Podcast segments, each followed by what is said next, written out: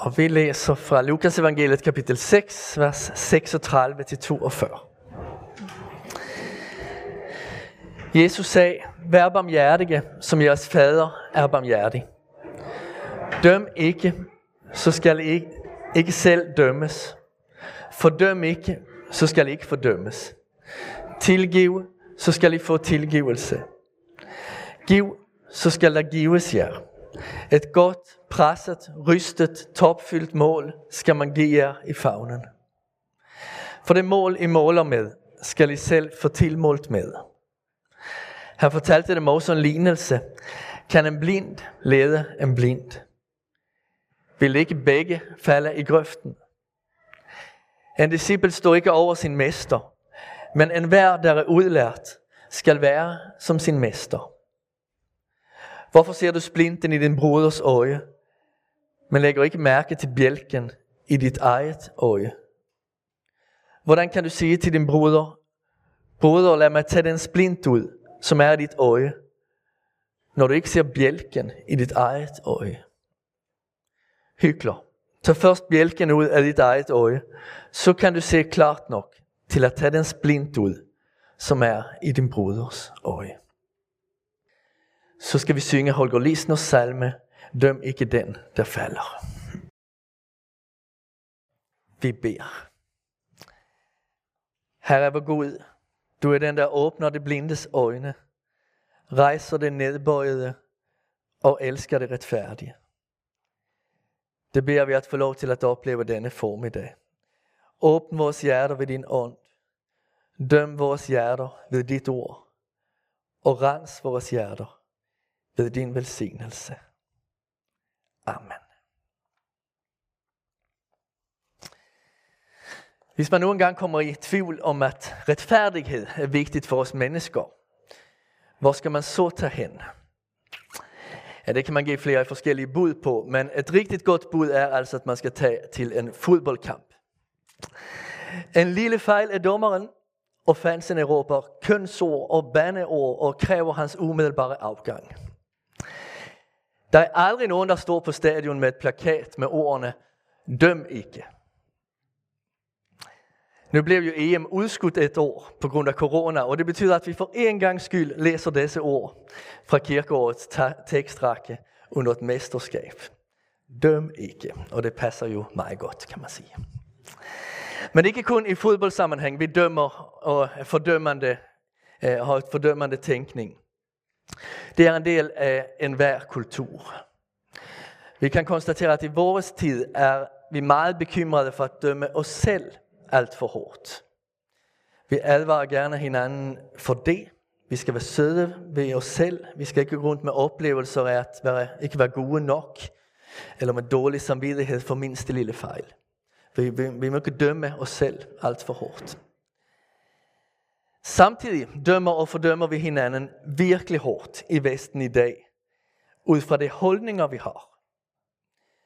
Vi har en ulykkelig tendens i vores kultur til at reducere mennesker til deres holdninger.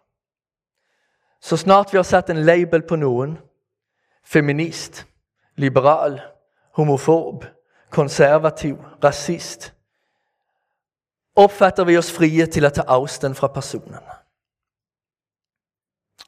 Vi hører folk sige, at hvis en ven ikke accepterer mine valg, men har synspunkter på min levemåde, er det ikke en rigtig ven. En ven genkendes på sine holdninger. Og hvis det ikke overensstemmer med den måde, jeg lever på, så er det ikke en rigtig ven. På, på sociale medier taler man hele tiden til hinanden, som om et menneske er sine holdninger og intet mere. Personer med dine opfattelser borde ikke have lov til at eksistere, skriver man til hinanden. Vi lider alle af denne reduktion af mennesket. Den er næsten ikke til at være i. Bibeltro kristne, men også mange andre, går rundt og er bange for, at andre skal opdage deres holdninger. Man er bange for, at andre ikke skal kunne respektere en, hvis de får hans holdninger i vide, men dømme, fordømme og lægge afstand til en. Jesus opfordrer os til ikke at dømme andre. Men hvad mener han egentlig med det? En gang imellem hører man folk, at Jesus dømte ingen. Hører man folk sige, Jesus dømte ingen. Og vi hører ham også sige i Johannes evangeliet 8 til en kvinde, der gør sig skyldig til utroskab. Heller ikke jeg fordømmer dig. Samtidig kan vi konstatere, at der er ingen, der dømmer hårdere end Jesus. I Lukas evangeliet 11, 11 råber han, ved jer, og dømmer så hårdt, at de lovkyndige forklarer ham, at de føler sig krænkede. Også profeterne dømte folkene, og fordømte enkelte konge. Apostlerne går hårdt til rette med misforhold i menighederne, og Paulus laver lange lister, hvor han fordømmer ondskab og synd. Så hvad er det egentlig, Jesus taler om her i Lukas evangeliet? Jo, han taler om at dømme andre, men ikke sig selv. Hvis vi sidder hjemme en vinterdag med lyset tændt i vores hus, kan vi måske se rigtig godt ind til naboen. Lad os forestille os, at vi er lidt nysgerrige. Hvordan ser det egentlig ud inde ved dem? Vi finder kikkerten frem. Puha, tænker vi for os selv. Hvor det ruder. Ringer det aldrig, eller? Det ser virkelig støvet og tjusket ud.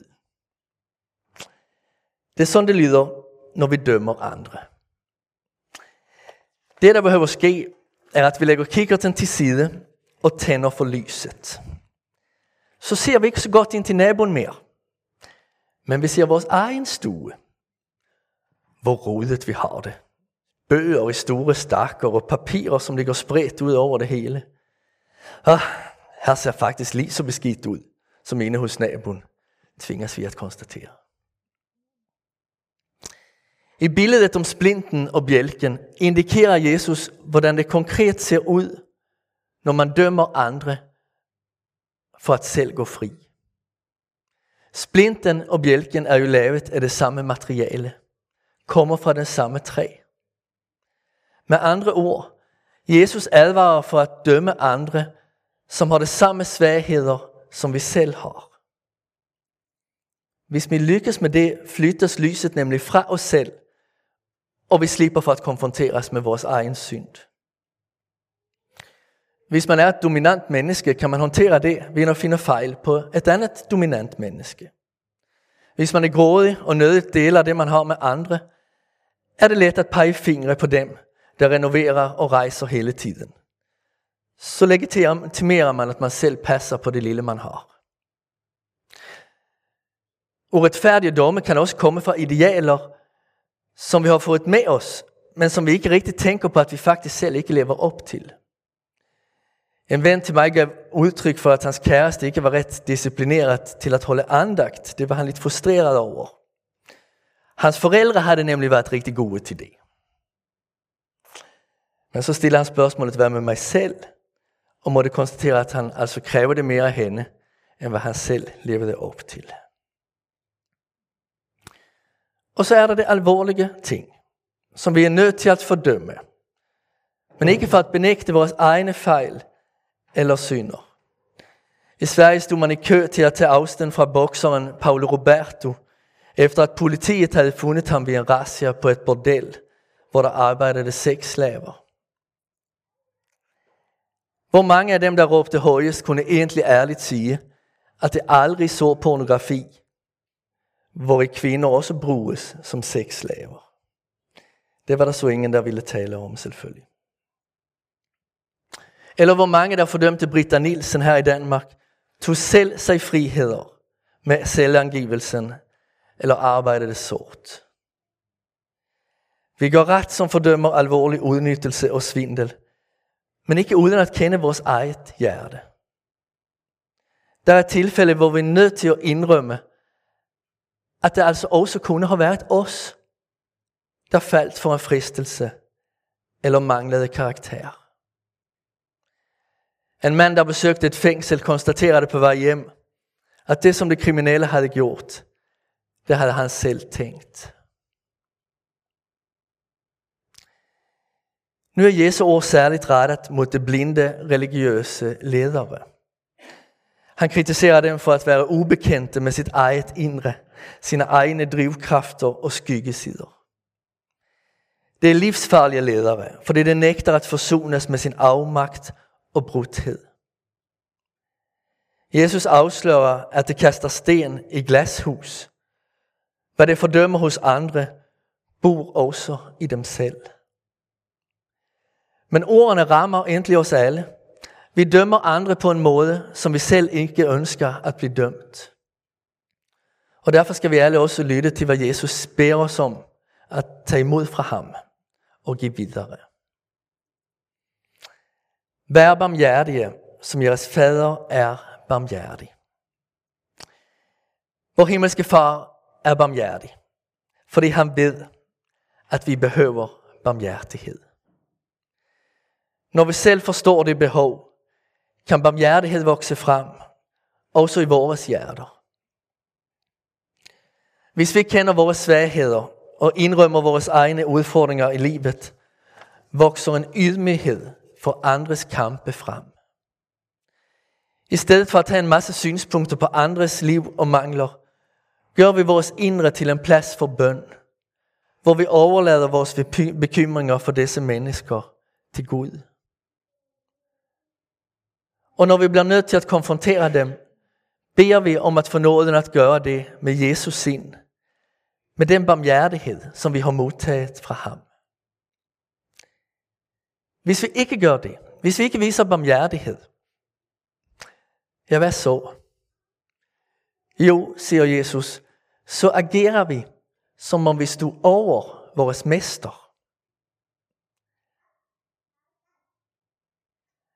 Kristus har ved sin barmhjertighed åbnet vores blinde øjne og ført os til tro på ham. Han har også taget imod os som disciple og udlært os i at følge Guds sind og vilje. At agere ubarmhjertigt er at ignorere alt det, som han har lært os. Det er som at være udlært af verdens mest fremragende mester i at bygge grønne og sunde huse, men straks glemme alt om det og begynde at bruge sundhedsskadelige materialer. I Jesus sammenhæng var fariseerne dem, der stærkest repræsenterede dette. Ingen kunne finde på at græde ud ved en stolt fariseers skulder, når man havde lavet en bommert.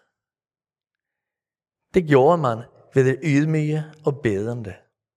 Ved dem, der selv levede af at få en ny chance, når den begik en fejl. Det er den, der ved, at der er et overskud hos Gud, som tør leve, lykkes og mislykkes. Og som under andre også at gøre det. Efter en prædiken, som jeg holdt ud fra dette bibelsted for ja, 6-7 år siden, kom en kollega frem til mig. Vi havde haft mange diskussioner det seneste år og været uenige om mange ting. Så sagde han, at det ramte mig, det med ikke at dømme. Jeg kunne se, hvor meget jeg dømmer andre. Og jeg har også dømt dig, Markus. Og så blev jeg nødt til at sige, at jamen, og jeg har nok også dømt dig. Vi havde set på hinanden alt for unuanceret og med større mistænksomhed, end der var grund til. Og vi havde ikke gjort nok for at forstå, hvor den anden kom fra.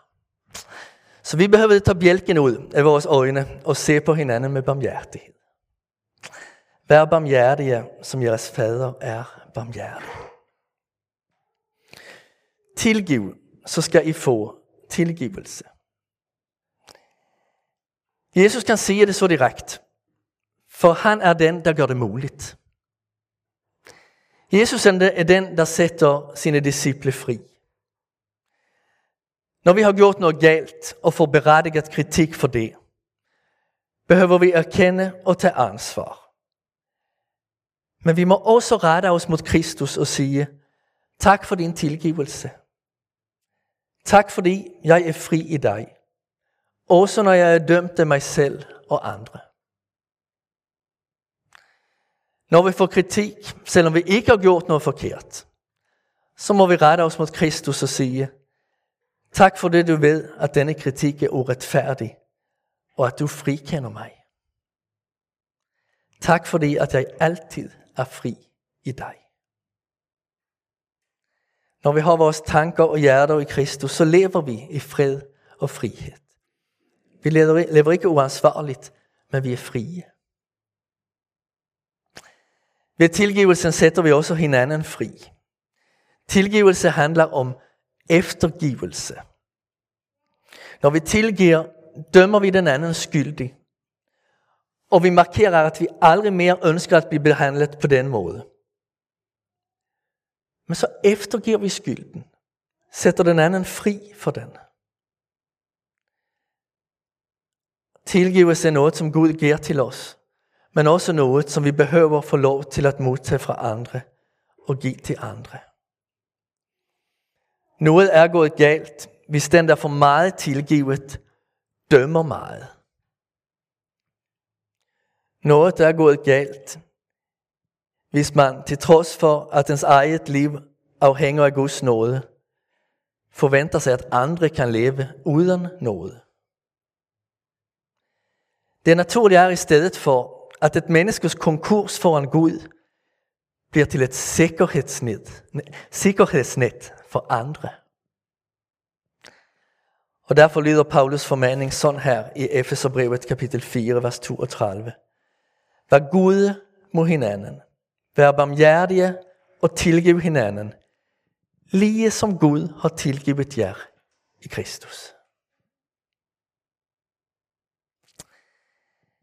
Jesus opsummerer sit budskab i ordene, Giv, så skal der gives jer.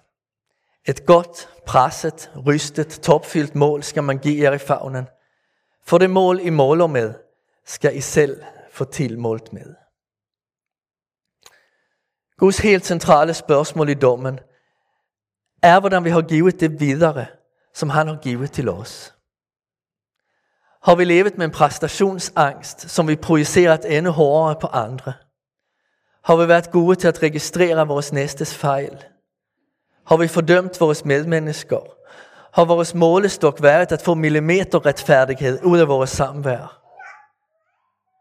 Har det været vigtigt for os at stå frem som lidt bedre end de andre? Ja, så er det også det, Gud skal dømme os ud fra. For det mål, I måler med, skal I selv få tilmålt med. Eller har vi levet af Guds nåde og godhed? Er det, vi har sået i verden, den barmhjertighed og tilgivelse, som han har vist os? Har vi angret, bekendt, sørget over vores dømmende attityder og søgt hans forbarmende? Ja, så skal vi også høste Guds nåde i topfyldt mål. Amen. Herre, vi takker dig for det, at du gør det muligt at leve i denne verden. Vi vil ikke leve i en verden uden barmhjertighed og tilgivelse. Så tak, at du har vist os den.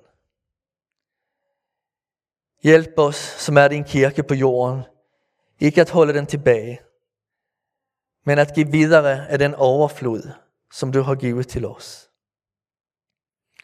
Lad os altid få lov at leve i din sandhed og godhed. Amen.